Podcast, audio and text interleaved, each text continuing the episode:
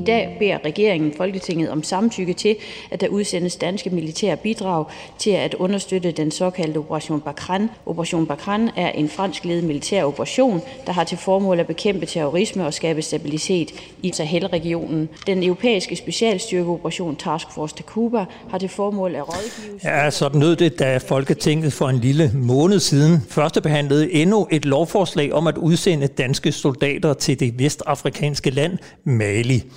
Siden 2012 er Mali og Sahel-regionen blevet en af de krigs- og konfliktzoner, som det danske forsvar løbende har engageret sig i med flere mindre bidrag i form af transportfly, helikopter, specialoperationssoldater og stabsofficerer til missionerne MINUSMA under FN og til den fransk ledede Operation Barkhane. Men hvad laver vi egentlig i Mali, i Sahel-regionen, som strækker sig på tværs af Afrika i et bælte langs Sahara? Og hvordan forbereder og gennemfører man egentlig udsendelsen og hjemtagelsen af store danske troppebidrag til Mali, og nu i de kommende måneder hjemtagelsen af soldater fra Afghanistan? Det handler frontlinjen om i dag. Mit navn er Peter Ernst ved Rasmussen. Velkommen til. Og nu kan jeg så byde velkommen til mine to gæster, og samtidig erklære mig selv som gæst, for vi sidder her på Peter Sejer Christensens kontor på Christiansborg, hvor du er forsvarsordfører for Nye Borgerlige. Og først og fremmest tak, fordi at vi måtte komme. Ja, velkommen. Og så skal jeg huske her at åbne for dig også. Vi skal tale meget mere med dig om, hvad Nye Borgerlige vil forsvarspolitisk, men først vil jeg præsentere programmets anden gæst, som er dig, Rikke Haugegaard.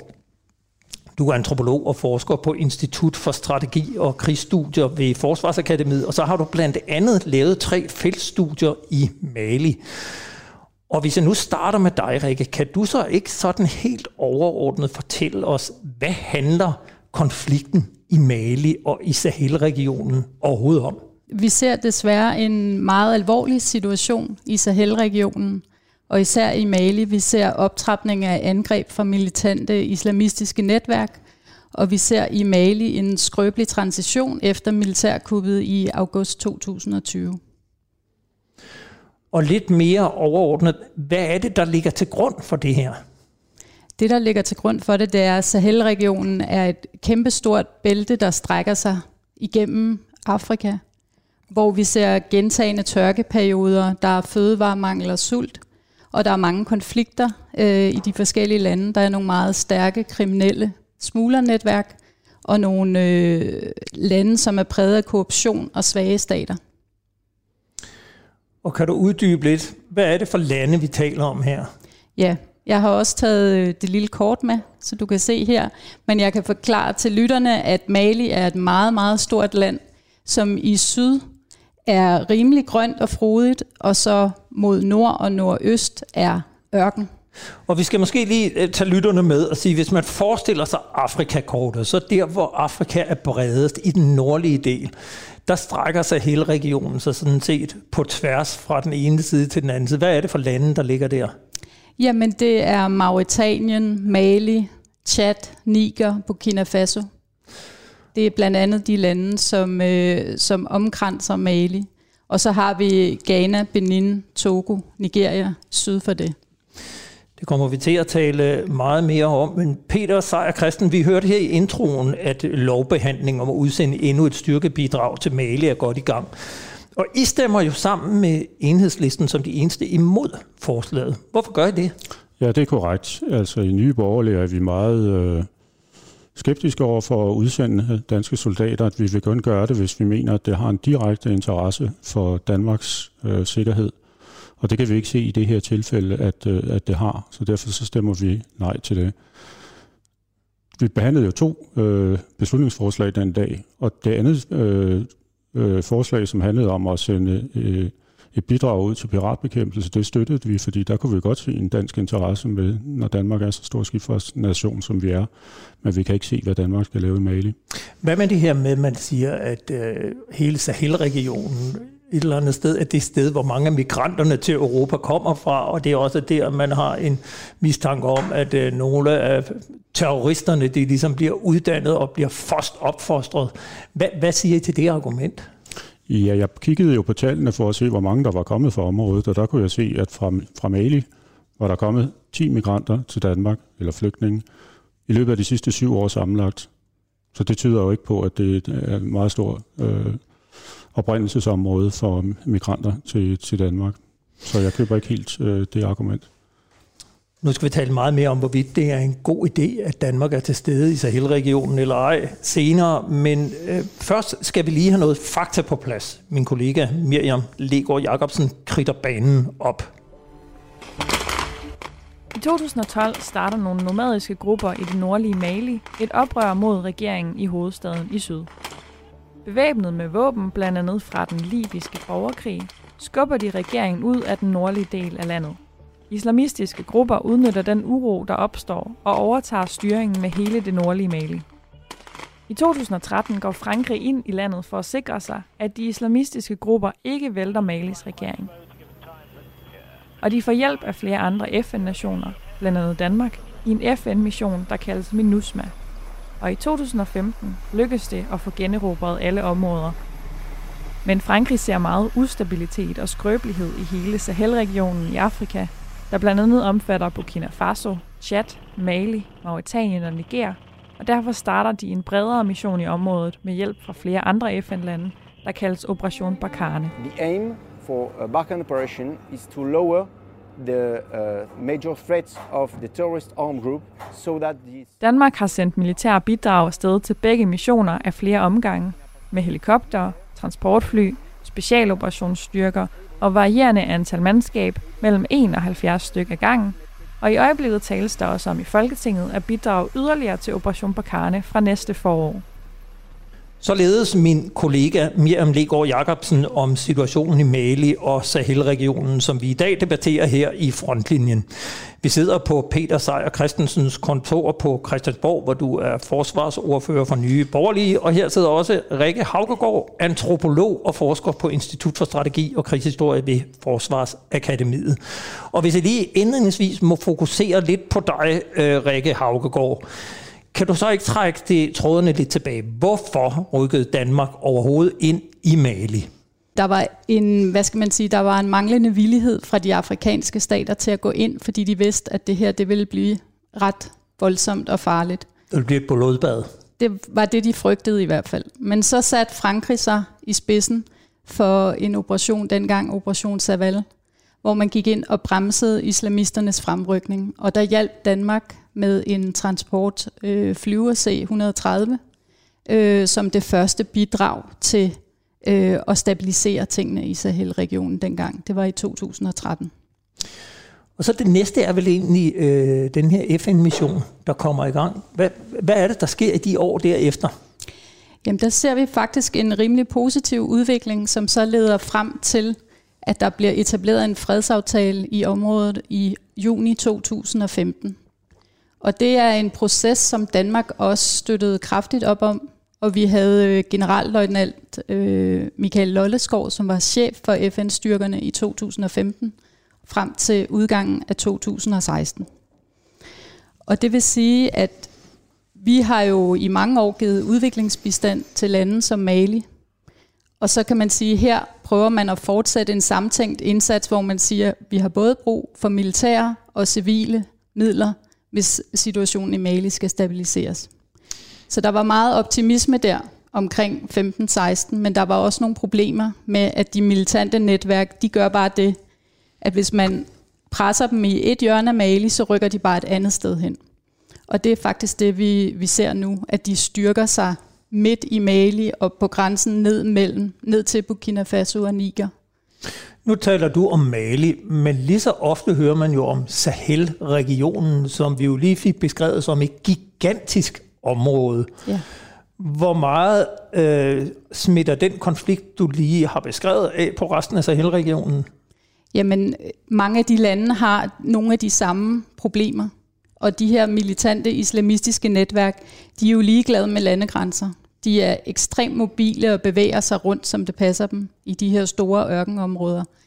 Så derfor er det så vigtigt, at vi får danske specialoperationsstyrker ned, fordi de er sådan set de eneste, der er professionelle, hurtige og fleksible nok til at kunne matche de her øh, militante netværk når du taler om det her område og landegrænser, så tror jeg vel også, at det her det er vigtigt at sige, at man kan ikke rigtig sammenligne grænserne med grænsen nede ved Rudbøl eller, eller Padborg for den sags skyld. Der er vel Nej. ikke nogen landegrænser med, med hegn og den slags. Det er bare en stor ørken, når man taler i hvert fald om Sahara i nord, og, og, og så lidt mere øh, vegetation længere mod syd. Ja. Øh, vi havde så øh, Michael Lolleskov dernede i 15-16. Hvad er det ellers, vi har bidraget med?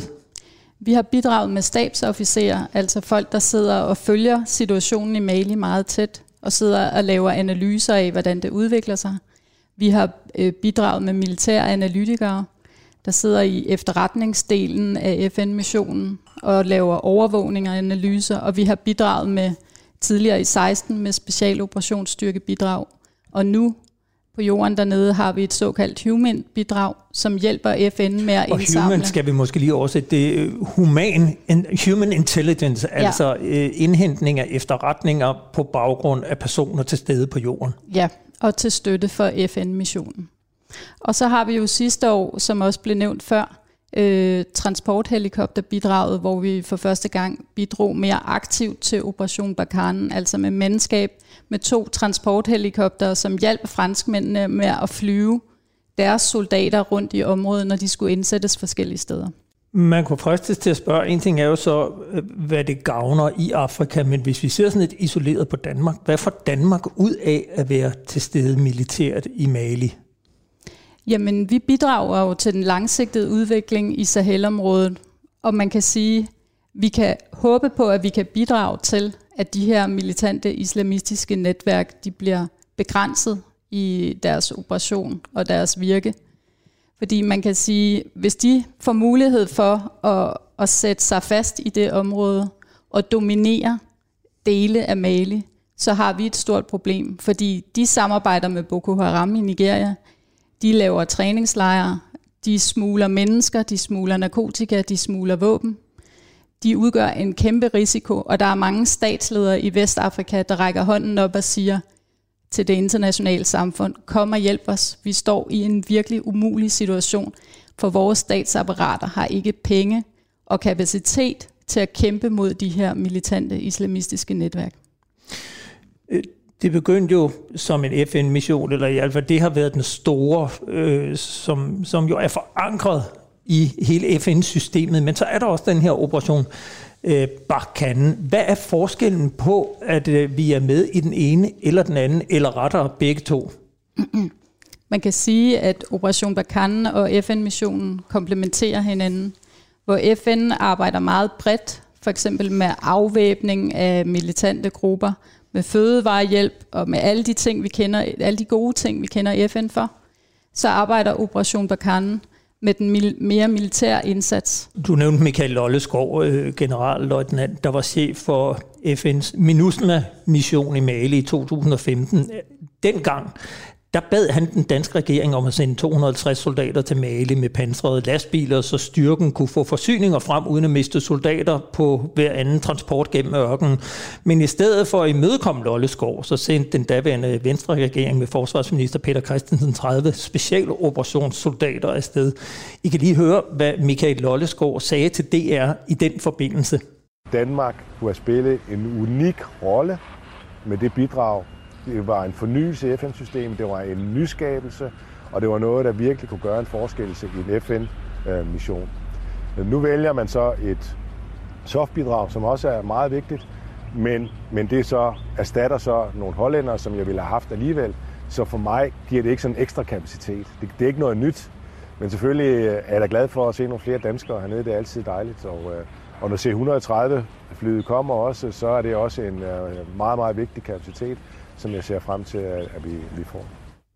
Hvad ser du her? Det her som udtryk for, altså at der står en styrkechef og beder om et, en ting, og så får han noget andet, han reelt set ikke har brug for. Jeg er med på, det er seks år siden, men siger det noget om den måde, vi i virkeligheden behandler øh, konflikten i Mali på? Jeg vil starte med at sige, at jeg er forsker på Forsvarsakademiet, så hele den politiske proces omkring den beslutning, der så medførte, at det her bidrag blev udsendt, den deltog jeg jo ikke i. Jeg er jo den, der skaffer baggrundsmateriale og viden omkring de her lande. Så det er nogle politikere, du skal spørge. Men jeg synes, at det er vigtigt at sige, at dengang var situationen en anden. Fordi det, som Danmark skal bidrage til nu med det nye beslutningsforslag, det er et specialoperationsstyrkebidrag, som skal indgå direkte under franskmændene i det, der hedder Task Force Takuba. Og den havde vi ikke dengang, hvor Lolleskov bad om noget helt andet. Og det gjorde han, fordi der var utrolig mange øh, angreb på de konvojer, der kørte med nødhjælp op igennem Mali. Så det var derfor, han gerne ville have øh, de styrker fra Danmark til at eskortere nødhjælpen frem i landet. Peter Sara Christensen, øh, nu kunne jeg jo så spørge politikeren, der sidder her, vi sidder endda på dit kontor, øh, sådan en episode, der udspillede sig der for seks år siden, siger den i virkeligheden ikke meget om, hvordan det foregår, når man har de her multinationale operationer, at der kan godt være nogle ønsker, men, men for de lande, der sender styrker afsted, der handler det i virkeligheden bare om at have et flag i missionen, at man er med for at kunne sige, at man er med. Nu øh, deltog vi jo ikke i i forhandlingerne dengang omkring, hvad der blev sendt ud, så det kan jeg dårligt udtale mig om. Men øh, hvis vi, hvis partiet havde været i Folketinget dengang, ville vi også have været imod på daværende tidspunkt, fordi vi kan se, hvad danske styrker skal, øh, skal lave i Mali. Mm. En af de danskere, som har været udsendt til Mali, er Lars Bo Jensen, som var deta- øh, øh detachementchef for det danske transportfly C-130 i 2017. Øh, og det er også ham, som med al sandsynlighed skal være chef for det danske bidrag med transportfly igen i 2022, hvis det ellers bliver besluttet her i Folketinget. Min kollega Miriam Legaard Jacobsen har spurgt ham, hvordan det er at være udsendt som dansk soldat til Mali og til Sahel-regionen.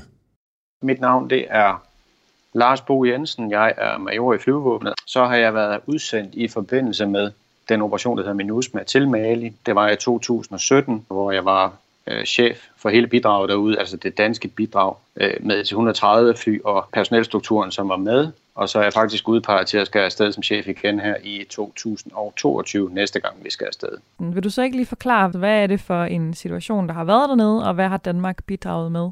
I modsætning til herhjemme i Danmark, hvor vi har en rigtig fin infrastruktur, så har man det ikke i Mali. Altså, der er rigtig, rigtig dårlige veje, der er ikke togforbindelser, man kan heller ikke sejle noget rundt ind i ørkenen. Øh, det er, der er heller ikke som sådan indrigs flytrafik derude.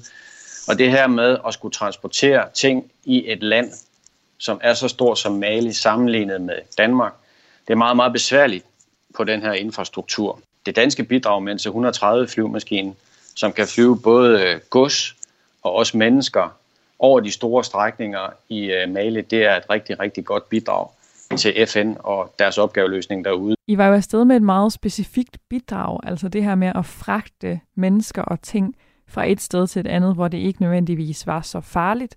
Var det svært at holde sig inden for den ramme? Altså det er jo vigtigt, når vi kommer ud i sådan en opgave her også, at vi er opmærksom på, at vi, vi ikke går ud over det mandat, som er givet fra Folketinget. Vi får jo øh, et mandat fra Folketinget, og, og, og der vil jeg have ret klare instrukser på, hvad det er, jeg må bruge den her flyvemaskine til. Så det er jo også min opgave at, at være vagthund over for FN og sørge for, at vi ikke bliver indsat måske i et område, som ligger uden for det område, der er godkendt at operere i, eller, eller støtte en opgave, eller for eksempel en offensiv mission, i hvert fald uden jeg har sendt den opgave til høring i hjemlig struktur, ligesom for at vide, det må, det må I gerne støtte det har vi oplevet også, at, at, at, at vi får sådan nogle henvendelser. Så der skal man jo lige passe på, at man ikke går ud over det mandat, der er givet folketingsbeslutningen. Så har der været ryk i jer før, for eksempel, for at deltage noget mere offensivt, end det, der egentlig var mandat til? Der har i hvert fald været uh, henvendelser, mens jeg var der sidst, hvor man forsøgte at, at tildele os nogle missioner, hvor vi skulle støtte en, en operation, som jeg ikke umiddelbart vurderede, at uh, vi må støtte. Og der sagde jeg pænt nej tak. Hvis nu vi så øh, zoomer lidt ind på, på dig, hvordan er det at være på mission i Afrika i forhold til andre steder, du har været på mission? Jeg tror, jeg har været udsendt otte gange på nuværende tidspunkt, så det er nok den 9. tur, jeg skal ud på. Og øh, nu har jeg også været meget på Grønland, og det er klart, der er forskel på at tage til Grønland og tage til Afrika. Og der er vi også gode til som soldater ligesom at, at forstå, at det er jo et vilkår, om der er koldt eller der er varmt. Det er ikke noget, vi kan gøre noget ved. Og flyvemaskinen, den plejer som eller den skal altid, som vi plejer at sige, lige akklimatisere sig. Der, så, så den vender sig egentlig også fint til varmen, når vi lige har været afsted i et stykke tid. Men, men derudover, så er der noget med vacciner, og når man skal udsendes for FN, så kræver FN faktisk også, at man har været igennem en, en, en ret omfattende helbredsundersøgelse, således at man ikke kan komme på bagkant til FN og så sige, at en af vores soldater har taget skade under jeres mission. og dermed søge en eller anden form for erstatning. Så det er, øh, det er en lille smule mere krævende, når man både skal ud for FN, men også når man skal til Afrika. Og hvordan synes du, det var at være i Mali sidst? Jamen, jeg synes, det var... Nu har jeg som sagt været ude øh, rigtig mange gange med forsvar. Jeg synes, det her, det er da... Selvom det er ja, fire år siden, så er det jo en af de der udsendelser, der har efterladt mig med, med nogle stærke indtryk. Altså, jeg husker en køretur, jeg havde dernede ganske kort tid efter, jeg var ankommet, hvor jeg skulle op og besøge et tysk felthospital, og nu har jeg omtalt infrastrukturen som, som ikke værende særlig god. Og det fik jeg i hvert fald bekræftet på den køretur, og, og, og selvom køreturen kun var på, på tre timer hver vej, så var jeg virkelig, virkelig træt, da jeg kom tilbage til lejren, fordi jeg havde simpelthen modtaget så mange indtryk. Øh, og de sidder jo et eller andet sted stadigvæk i mig. Det er jo noget af det mest øh, fattige, jeg nogensinde har oplevet, og, og, og håbløsheden blandt befolkningen skinner klart igennem. Og, og der, det var mit indtryk, at der var sådan en, en udbredt grad af anarki og ikke mindst i trafikken. Det er bestemt noget andet end det, vi er vant til at opleve under vores egne himmelstrøg. Hvad var dit indtryk, mens du var der? Altså, hvad sagde befolkningen ligesom til jeres tilstedeværelse? Jamen, jeg tror, at, øh, at befolkningen har jo indledningsvis haft en forventning om, at FN kunne komme og løse alle deres problemer derude. Og øh, i takt med, at tiden er gået, og i takt med, at befolkningen måske ikke har oplevet noget, som stemmer overens med det, de havde forventninger, så tror jeg, at der er øh, kommet sådan en stigende grad af modløshed, hvor man øh, måske ikke længere forventer, at øh, FN kan løse deres problemer, og, og, og dermed øh, er FN-soldater måske heller ikke så populære, som de var engang. Men det var ikke således, at vi, vi, øh, vi følte os truet, da jeg var der, men, men øh, jeg talte jo med mange mennesker, som har været der i, i, i flere omgange og, og i lange perioder, og, og det var sådan ligesom, det var deres fortælling, det var, at, øh, at FN og opgaveløsningen derude levede ikke op til det, befolkningen havde ventet, så derfor var der, der var ikke decideret fjendtlighed, men der var øh, ikke så stor en tilslutning til FN, som der var tidligere. Du lytter i øjeblikket til Frontlinjen her på Radio 4, og vi taler i dag om den danske indsats i Sahel-regionen i Afrika. Jeg sidder lige nu på Christiansborg på Peter Sejer Christensens kontor. Du er forsvarsordfører for Nye Borgerlige.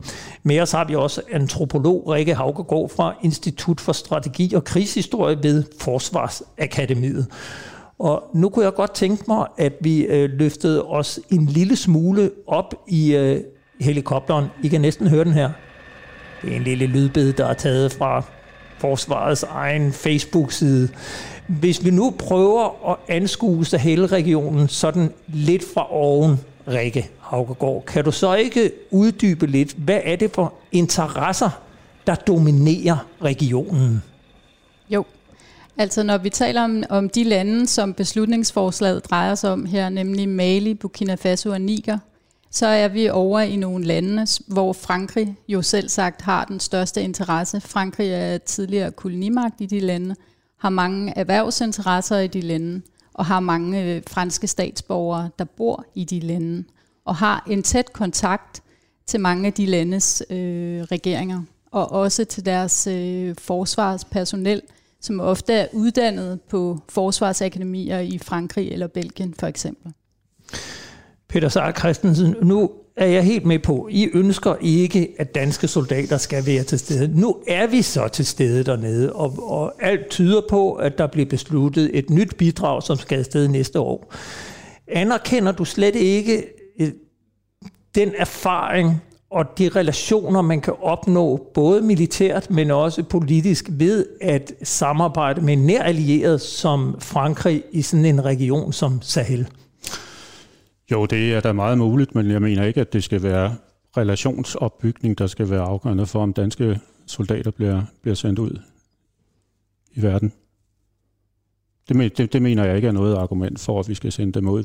Hvis vi skal sende et dansk bidrag ud, så skal det være, fordi det er i Danmarks interesse, og det ser vi på fra gang til gang, og vi mener ikke, at, at vi har nogen interesse ved at sende danske soldater til Mali. Det kan jeg forstå, at Frankrig har. Det er jo også tidligere kolonimagt, Øh, og hvad de øh, foretager sig dernede, det må de selvfølgelig selv om.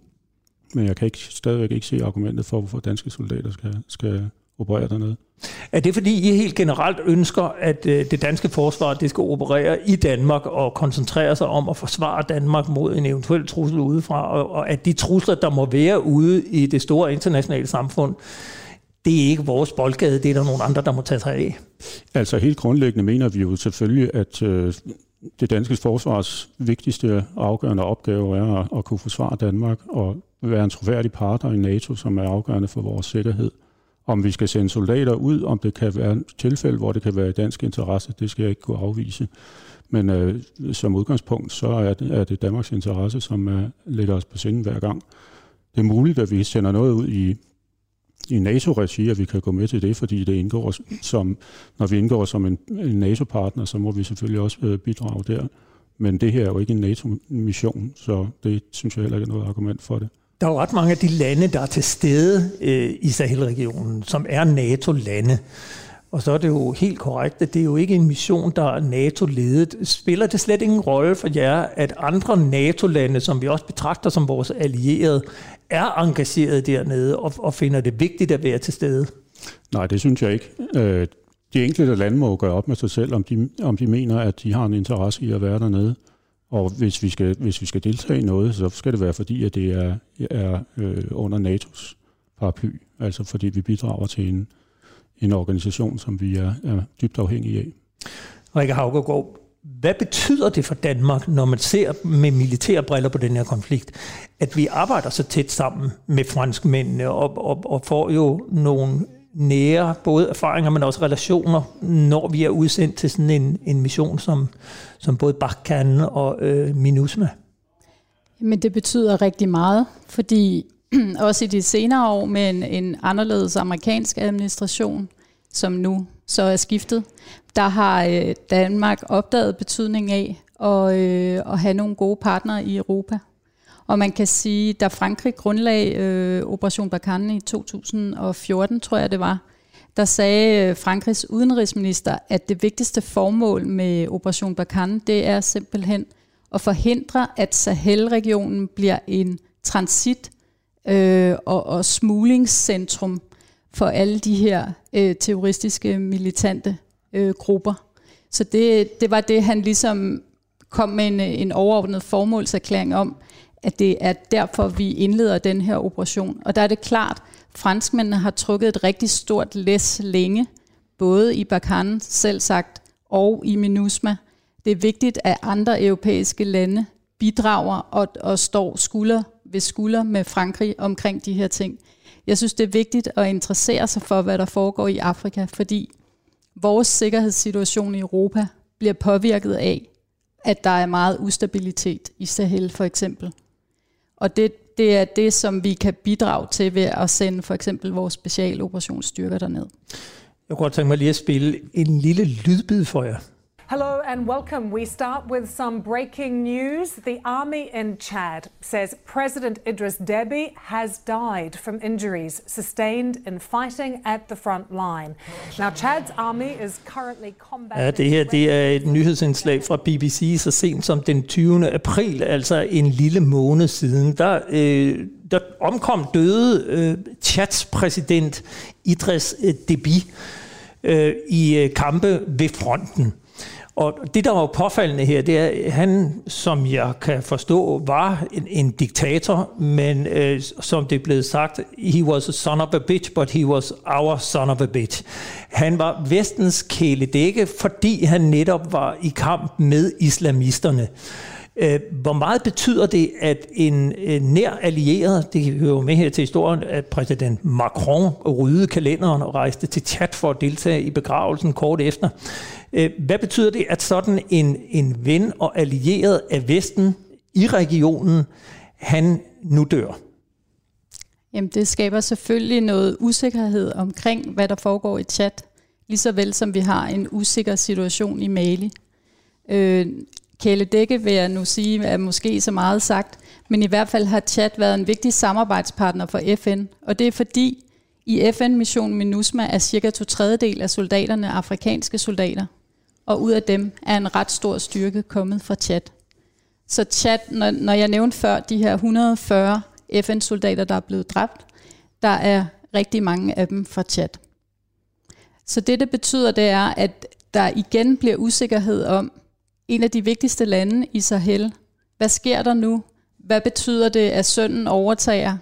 Hvordan vil det påvirke de øvrige lande i regionen? Hvordan vil det påvirke G5-samarbejdet, som er samarbejdet mellem de fem store lande i, øh, i Sahel? Det bliver interessant at se. Og nu kan vi jo så kigge lidt frem i tiden, fordi meget tyder på, at selvom I stemmer imod Peter Seier Christensen, så, så sender Danmark jo formentlig igen tropper afsted til Mali, til øh, Operation Barkhane, og det er i hvert fald i form af specialoperationsstyrker. Og vi skal formentlig også have et øh, transportfly afsted til MINUSMA. er Mali ved at udvikle sig til det nye kan man sige, gåsøjne store mission for det danske forsvar. Peter, tror du det? Det håber jeg da ikke. Men øh, nu har vi været engageret dernede, og Frankrig har været engageret der siden 2012. Så vi nærmer os 10 år. Og det er også et af problemerne med nogle af de her missioner, at de, er, de trækker ud og bliver ved og ved. Vi kommer tilbage til Afghanistan senere. Det er 20 år siden, at amerikanerne gik ind. Så det, så det kan vi frygte, hvor lang tid skal vi så være i Mali. Når du ser i kikkerten, Rikke Haugegaard, hvad, hvad er så perspektiverne for de kommende år? Jamen det er jo, at Danmark skal hjælpe med at stabilisere regionen. For eksempel har vi forhåbentlig et præsidentvalg i Mali i 2022. Og det er heller ikke rigtigt, at vi har været der kontinuerligt i de seneste år. Vi har udsendt nogle mindre bidrag, øh, hvor vi har udvalgt vores indsats. Selvfølgelig havde vi et stort bidrag da Lolleskov var chef for FN-styrkerne. Men der har også været perioder i Mali, hvor der kun har været to-tre danske officerer inde i hovedkvarteret.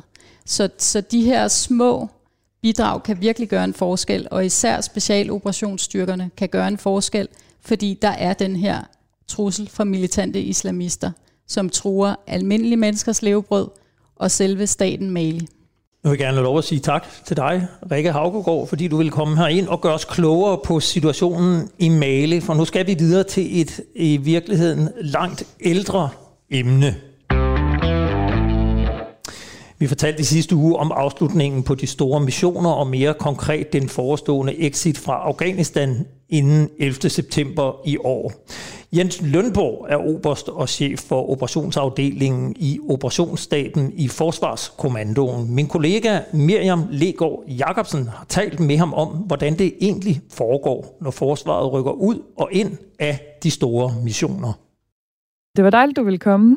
Øh, Jens, kunne jeg ikke få dig til at starte med at introducere dig selv? Jeg hedder Jens Lønborg og er oberst i øh, Forsvarskommandoen i det, der hedder Operationsstaben. Og det er min afdeling, der har sådan ansvaret for alle vores øh, udsendte soldater, og dermed i praksis også det overordnede koordinationsansvar, når vi eksempelvis øh, skal tage soldater hjem. Lad os starte med det konkrete, tænker jeg, Jens Lemborg, som er, er nuværende situation. Vi skal trække tropper og mission tilbage fra Afghanistan. Hvordan går man til sådan en opgave? Vores logistikere øh, og mit eget øh, del af, af staben har jo, har jo været klar over, at det her med en eller anden grad af sandsynlighed vil ske. Øh, så derfor har vi jo kunnet lave det, som øh, Mærsk, tror jeg, kaldte for rettidig omhu. Øh, så vi har egentlig været i gang sådan i det små i øh, over et år. Øh, men den konkrete, hvad skal vi sige, beslutning, fuldstændig firkantet beslutning, kommer først her i april måned. Og der er jo sagt september, så man kan sige, at vi har de her øh, fem måneder. Det er i hvert fald det er okay tid vi kan jo ikke nødvendigvis blive helt konkrete, men lad os blive så konkrete, som vi kan. Altså, hvad er det reelt, vi skal hente hjem fra Afghanistan, altså mennesker og materiel? Jamen altså, lige nu har vi øh, sådan lige godt og vel 130 soldater, i øh, alle sammen placeret i Kabul. Øh, det er ikke, øh, om man så må sige, særligt tunge enheder, så de har ikke så meget øh, materiel med sig. Øh, vi har eksempelvis den her, øh, på det her tidspunkt ingen køretøjer. Så det er sådan set bare soldater med deres rygsæk og deres udrustning, øh, groft sagt, øh, som vi skal hjem. Og øh, nu siger du jo alligevel, at de har været i gang i et års tid med at kigge på, hvordan og lægge forskellige planer for ja. forskellige ting og sådan noget. Så jeg forestiller mig ikke, det alligevel er helt ligesom, hvis man stiger ind i et passagerfly med sin rygsæk på. Altså, hvad adskiller det ligesom fra sådan en almindelig hjemflyvning fra et sted? Der er selvfølgelig nogle ting. En af tingene er jo, at, når man er, er, afsted, er sådan et sted, så har man jo relativt store logistiske lager. Man har jo ammunition til lang tid, man har forskellige andre forsyninger til lang tid. Og så vi kunne se, at der var en vis grad af sandsynlighed for, at det vil komme til at ske, så begyndte logistikerne sådan langsomt at tage noget af det hjem, hvor vi sagde, det kan vi godt undvære. Vi kan godt løbe en lille risiko ved at være på et lidt lavere niveau øh, logistisk, og så få noget af det hjem, øh, når der er livlig i så går en flyver. Øh, så vi har taget sådan en masse små, øh, et ton her, et ton der, øh, hjem øh, gennem lang tid. Øh, og så er der selvfølgelig nu, normalt hvis vi kun skal flytte 130 mand, jamen det er jo øh, normalt på to flyvninger. Øh, her, hvor vi så også skal have materialet med hjem, øh, og det også er spredt måske lidt mere i tid, øh, så er det alligevel øh, et antal flyvninger, og selvfølgelig et antal tons gods, der, der skal med hjem. Så, så altså, soldater kommer ikke bare med en rygsæk. Altså, der, følger, der følger trods alt noget grej med. Og det er i, den her, i det her tilfælde, fordi det er Kabul, det er inde midt i Afghanistan, så er det faktisk udelukkende fly. Øh, det kan være mange andre transportmåder, men her er der kun fly som mulighed.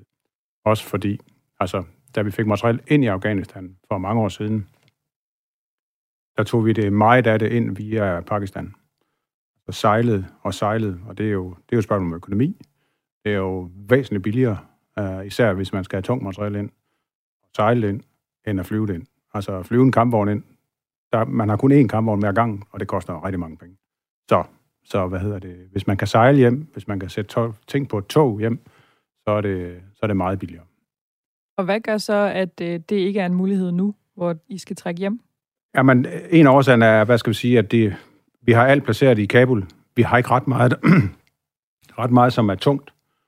Og da man skal sige, at de internationale styrker ikke har kontrollen med Afghanistan som sådan, så begynder at lave en kolonne, der skulle køre til Karachi i, øh, hvad hedder det, Pakistan.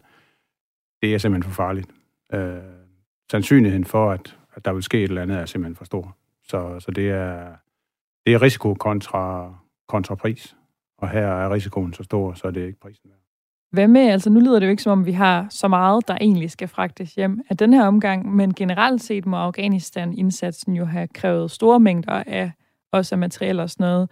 Hvor meget har vi haft, altså som også har blevet hentet hjem løbende? Men øh, altså der, vi, der, hvor vi for alvor tog, øh, tog ting hjem, det der var, da vi var færdige i Helmand-provincen. Altså vi var jo fra, fra 2006 og så frem til 13-14 stykker var vi i Helmand. Og da vi tog der hjem fra, der skulle vi have 220 køretøjer med hjem. Fra kampvogne og til, ned til, til i går så en almindelige personbiler.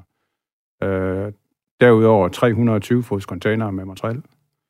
Og det tog i alt øh, 95 fyldte fragtfly. Så det var en noget anderledes operation. Og det er jo nok også det største, vi har flyttet ud af et øh, operationsområde nogensinde.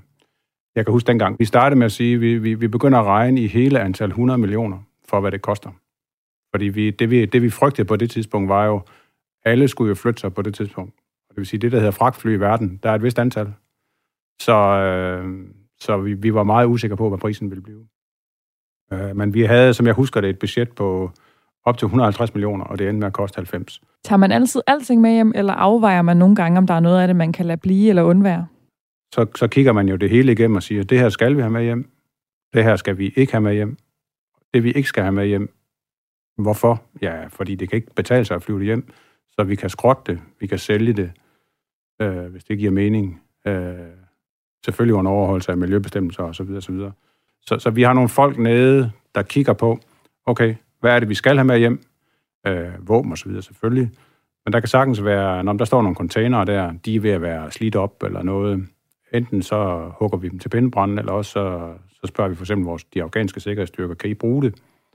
Øh, kontrollere, at der ikke er noget i det, som, er, som vi ikke går så en må give til andre, øh, eller sælge for den sags skyld. Øh, og så beholder de det. Hvad kunne det være, altså når du siger noget, vi ikke må eller kan give til andre? Jamen, øh, hvad hedder det? Det kan godt være, at der er noget, nogle materielle genstande øh, i et udslidt køretøj, for eksempel.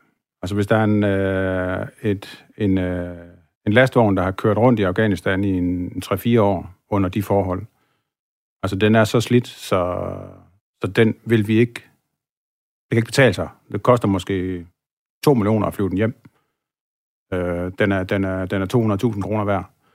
Øh, så skal vi jo igennem den for at se, okay, er der, er der radiosystemer i den, eller er der noget andet, vi er nødt til at pille ud, før nogen kan få lov at få den, købe den. Så, så der, er, der, de der forbehold skal der altid tages. Det kan også være den, der har solgt os. Hvis nu det er et våbensystem. Lidt, man, man kunne godt forestille sig, at der var ud, hvad skal jeg sige, outdated våbensystemer, som man godt ville kunne sige til afghanerne, kan I bruge dem? Er I uddannet på dem? Så kan det godt ske, at vi fra dansk side synes, at jamen, det er en god idé. Men hvis nu producenten, der har solgt det til os, har forudsat, at det ikke må videresælges, ja, så er vi låst. Så er vi nødt til at destruere det på stedet, eller tage det med hjem. Det er en indviklet verden. Hvis man står sådan udenfor, så kan det logistiske være noget, det man måske mindst ser. Altså, når ja. nu skal vi have tropper et sted hen, vi skal have tropper hjem, og det logistiske er ikke det første, man tænker på, men hvor stor en del er det egentlig af det at vælge at starte en mission sted? Det første, man lærer, når først det skal bruges til noget, det er, at enhver krig, enhver operation af den her størrelse, det drejer sig næsten kun om logistik. Fordi uden logistik kan du ingenting. Altså jeg kan huske, da man går ind i, uh, i Irak øh, for alvor, om så man siger, Europa Irak, øh, der med Saddam Hussein, der, den amerikanske firestjerne general siger jo, ja, den vigtigste af mine generaler, det er ham, der står for logistikken. Fordi uden ham, uden at hans outfit dur, kan vi glemme det. Så nej, logistik det fylder rigtig meget, så snart vi, øh, vi skal lave noget. Når I så skal for eksempel fragte noget ned, men måske især fragte noget hjem, hvor meget kan forsvaret selv løse, og hvor meget arbejder man sammen med nogle sådan civile samarbejdspartnere, eller hvad man kan sige i det? Men vi arbejder rigtig meget sammen med civile samarbejdspartnere. Altså en meget stor del af transporten, det er civile fly. Øh, der kan selvfølgelig være steder og situationer, hvor civile fly ikke kan komme ind. Altså hvis, hvis truslen er høj nok, så et civilt fly ikke kan lande, så er, vi jo, så er vi jo der. Men hvis det kan det, og det kan det eksempelvis i Kabul, jamen så, øh, jeg vil tro, 90 procent af det, vi tager hjem, øh, det, hvad hedder det, det er med civile fly. Du kan sige, i Danmark, altså det eneste transportfly, vi har, øh, det er en C-130, altså en Hercules propelfly. Det er ikke super fedt at skulle flyve til Afghanistan og tilbage. Den kan, det, vil tage, det tager et par dage, ikke? så, så det, det er ikke den behageligste transportform. Det kan være nødvendigt, og det er også, vi kan også godt tage noget materiel ud med den, men, men den er for lille til at tage ret meget. Øh, så skal man op i noget, som primært amerikanere og britter og sådan noget har. Jeg havde egentlig ikke regnet med, at du kunne blive så konkret, øh, som du egentlig gør om Afghanistan. Fordi det er jo en mission, der ikke har fundet sted endnu. Øh, men er der noget, du ikke kan sige øh, om Afghanistan tilbagetrækningen endnu? Det eneste, vi ikke rigtig kan sige noget om, det er... Vi, vi, vi, vi kan ikke sige noget om præcis, hvornår tingene sker og sådan noget. Det er jo sådan set det eneste interessante for en, for en eventuel modpart. At vi er på vej ud af Afghanistan. Ja, det har man opdaget, selv i den fjerneste landsby i Afghanistan.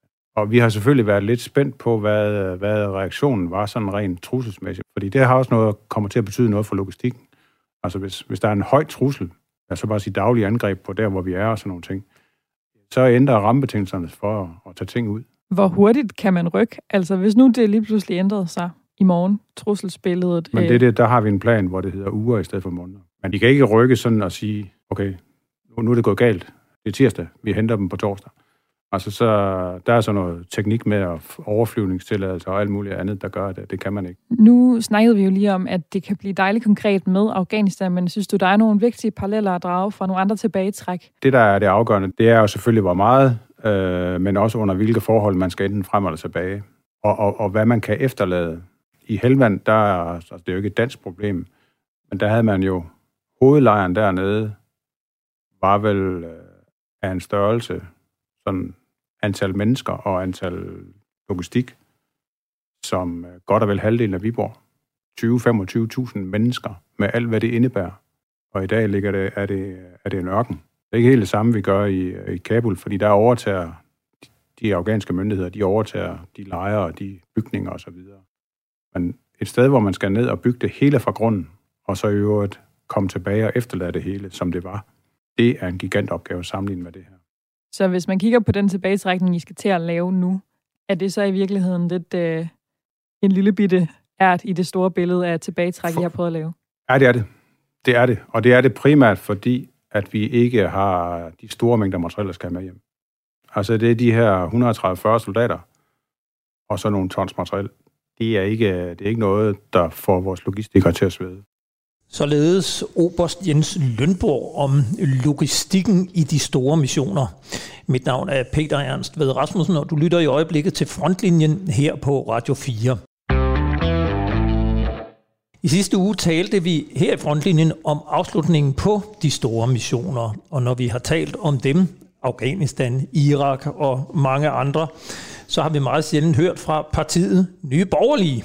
Og det skyldes jo selvfølgelig, at partiet først kom i Folketinget ved Folketingsvalget 2019 og var stiftet kort for inden.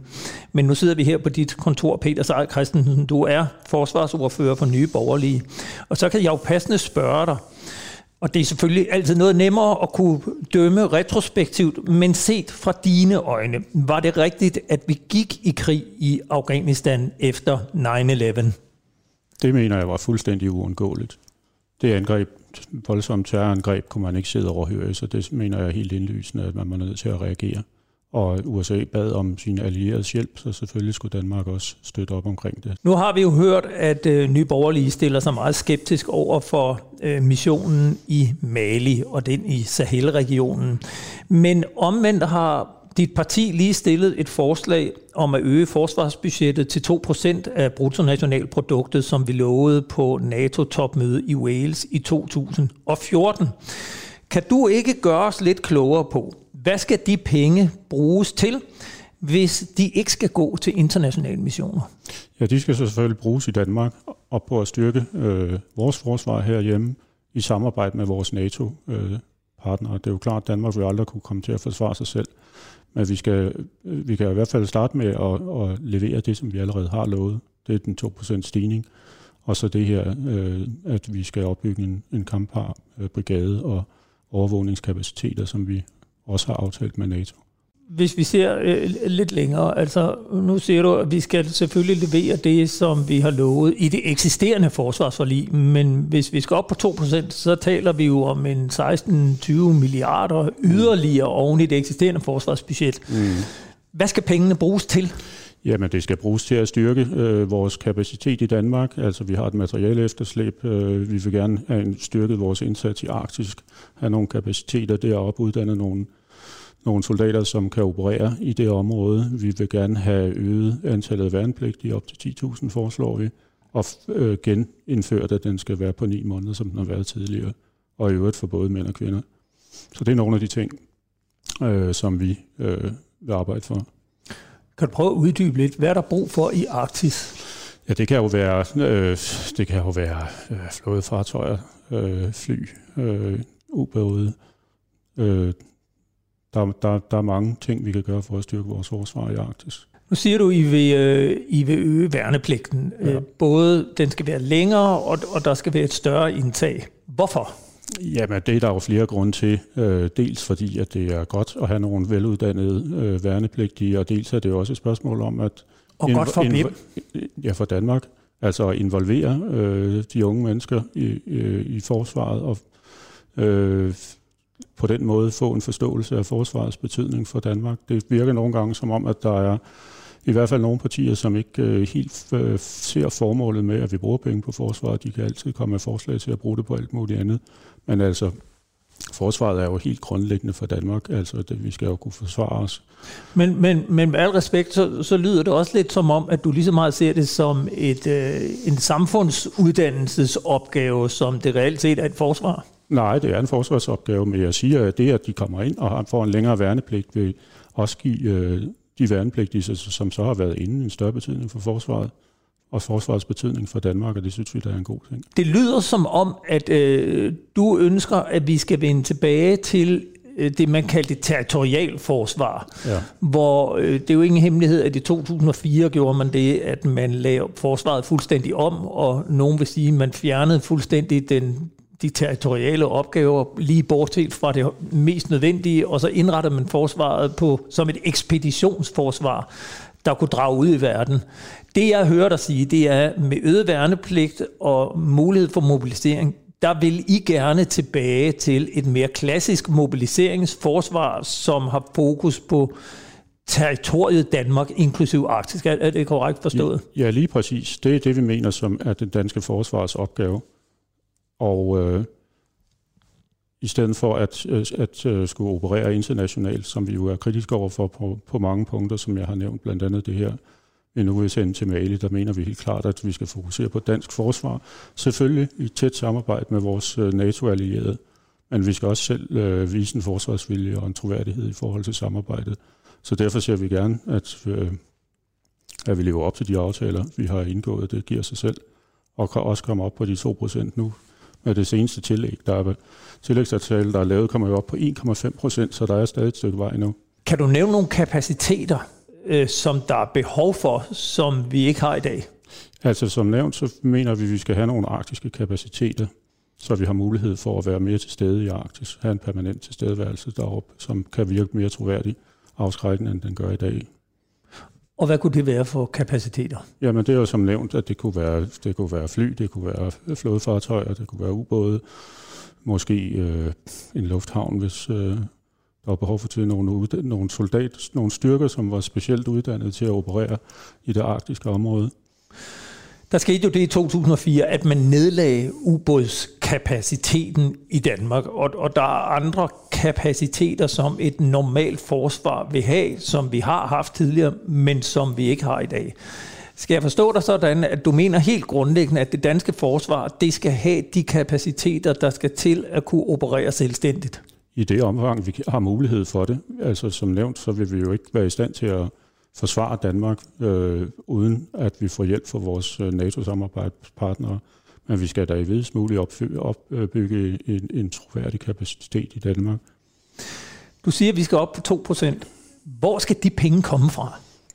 Ja, vi har jo mange forskellige forslag til det. Vi har lavet en økonomisk plan, hvor vi vil rykke rundt på nogle milliarder, og øh, herunder er der også afsat de penge, der skal bruges til at øge øh, forsvarsbudgettet til 2%. Og, og hvem er det, der skal betale? Ja, for eksempel vil vi gerne afskaffe ulandsbistanden. Det er sådan nogenlunde det samme beløb. Men øh, der, det, det er ligesom en, en del af en større øh, pakke, hvor der indgår forskellige elementer, både som vil virke besparende og som vil være udgiftskrævende, men som hænger sammen. Nu Så har... vi har anvist, vi har anvist finansiering for de ting, vi gerne vil, nu, nu har den danske udenrigs- og sikkerhedspolitik jo ofte gået hånd i hånd med udviklingsstøtte øh, og udviklingsbistand, øh, både i Irak, Afghanistan og andre steder. Mener du, at, at når vi rykker ud med et NATO-mandat eksempelvis, så er det udelukkende en militær operation, så skal vi ikke bruge penge på også det, der er lidt mere stabiliserende og udviklingsmæssigt? Er, er det udelukkende militær ud og ind? Ja, det vil jeg mene. Uh, udviklingsbistand, hvis man ser på undersøgelser, så viser de fleste undersøgelser, at de ikke har nogen langsigtet effekt, at pengene er spildt. Så derfor mener vi, at de penge kan bruges langt mere fornuftigt, blandt andet på at styrke vores militær. Men vi mener jo heller ikke, at vi skal ud i så mange aktioner. Vi har jo været ude i mange aktioner. Der har været Irak for eksempel. Det var i 2003, at amerikanerne gik ind. Øh, og der havde man måske på, den, på, den, på det tidspunkt en naiv forestilling om, at man kunne rykke ind og så øh, indføre demokrati, og så ville alt øh, være fint. Det viste sig jo ikke at gå helt, som man havde håbet. Libyen er også et eksempel hvor man væltede Gaddafi, og som jo virkelig er kommet en kaotisk situation, og også en situation, som betyder meget for migrationen til Europa. Nu mener vi ikke, at man skal løse migrationsproblemet ved at vi sætter styrker ind rundt omkring i verden. Vi mener, at det skal vi håndtere, når de kommer til Europa. Og hvis ikke Europa gør det, så skal vi øh, håndtere det i Danmark, altså ved den danske grænse. Jeg skal lige spørge dig også, en stor debat, der har kørt og kører i øjeblikket, når man taler om det fremtidige forsvar, det er hele organis- organiseringen af forsvarsområdet, eller rettere forsvarsministeriets område, hvor man i øjeblikket har otte til sidestillede styrelser, og man har en forsvarschef, som reelt set kun er, øh, vi har hørt det før, styrelseschef for de operative styrker under forsvarskommandoen. Hvad er Nye Borgerliges holdninger til hele den her debat omkring øh, organiseringen, og hvorvidt forsvaret, eller forsvarschefen han skal have helhedsansvaret tilbage, altså ansvar for både økonomi, materiel, personel, etc.? Jamen, det er vi enige i. Det mener vi også, at man skal, at man skal øh, gå tilbage, så vi har en forsvarschef, som har det fulde ansvar. Det var, hvad vi nåede i denne udgave af Frontlinjen jeg vil sige tak til mine gæster. Tak fordi vi måtte være her. Peter Seier Christensen, forsvarsordfører for Nye Borgerlige, og tak til dig, Rikke Havgård, fordi du også var med. Programmet blev lavet i samarbejde med journalist Miriam Legaard Jacobsen. Har du ris, ros eller gode idéer til emner, vi bør tage op, så kan du kontakte os på frontlinjen snablag radio4.dk. Husk også, at du kan lytte til alle tidligere programmer som podcast i din podcastplayer eller ved at besøge radio4.dk-frontlinjen. Vi er tilbage på næste tirsdag kl. 11.05 på Glædeligt Genhør.